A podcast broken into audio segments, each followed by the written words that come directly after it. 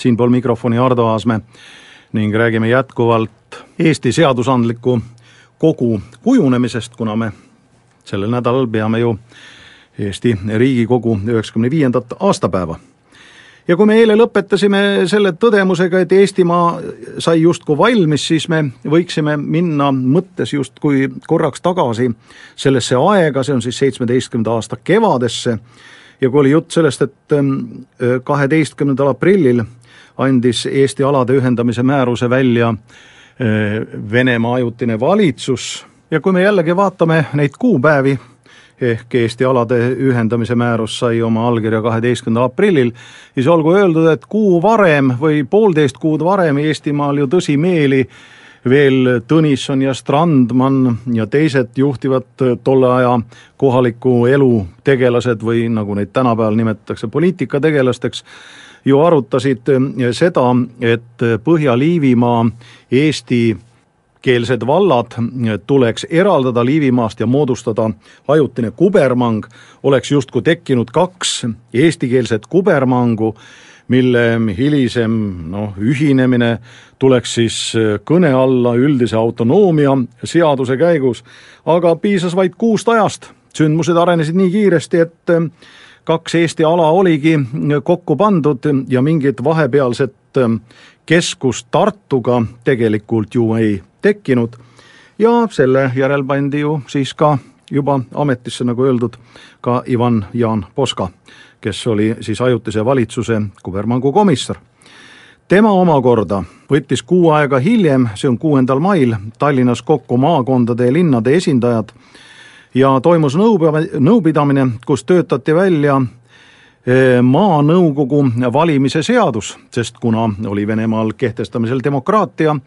Eestile oli lubatud autonoomia ja üsna laialdased volitused oma sisemiste asjade korraldamiseks ja eestlased reaalselt asusid seda ka kasutama, kuigi sedalaadi autonoomiat hakati andma ka näiteks Ukrainale ja mitmele, mitmele teisele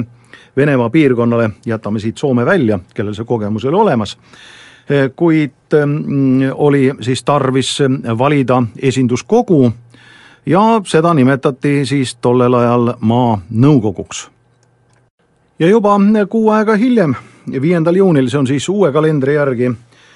valitakse Eestimaal ajutine Eesti maapäev. tema täpne nimi on Eesti Kubermangu ajutine maanõukogu ja see valitakse täiesti demokraatlikul alusel.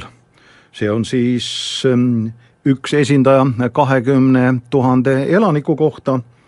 ja seal juba ei ole enam sedalaadi piiranguid, nii nagu tsaariaegsel kohaliku omavalitsuse seadusel, kus ainult maja omanikud said valida. seal said valida juba kõik ja, ja kui Eesti maakonna või Eesti kubermangu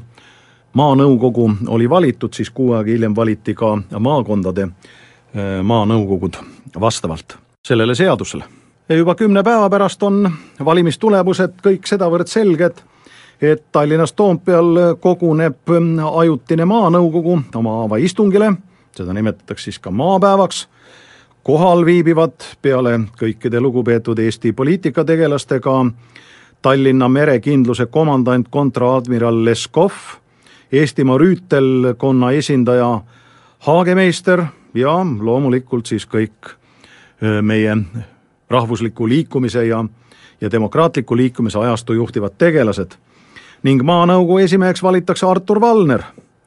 ning avakõnes rõhutab kubermangu komissar Jaan Poska sündmuse erakordset tähtsust Eesti rahvale ning kõneleb maanõukogu osast, märkides, et nõukogul on õigus esitada valitsusele, see on siis ajutisele valitsusele Peterburis,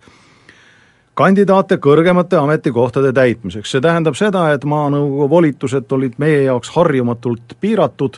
ta oli küll esinduskogu, aga ei äh, saanud ju kubermangu valitsust määrata, see toimus ikkagi veel tsaariaegsete tavade järgi, mis sest, et Peterburis oli ajutine ja nii-öelda demokraatlik valitsus, kuid äh, see oli tohutu samm edasi võrreldes sellega, et varasemalt äh, valitsesid ju rüütelkonnad Eestit ja kohalike osatähtsus või no ütleme, eestlaste osatähtsus oli suhteliselt väike ja oli ehk tuntav vaid läbi Eesti kohalike omavalitsuste ehk semstvate valimise. kui maanõukogu tervituskõned on läbi, siis lauldakse Mu isamaa, mu õnn ja rõõm, meile väga tuntud asi tänasel päeval, ning hüütakse kolmekordne hurraa revolutsioonile ja istung läkitab tervitust telegrammi ajutisele valitsusele kui Venemaa revolutsioonilisele riigivõimu kandjale. Sellega võib öelda, et Eestimaa parlamentarismi hakatus on justkui tehtud,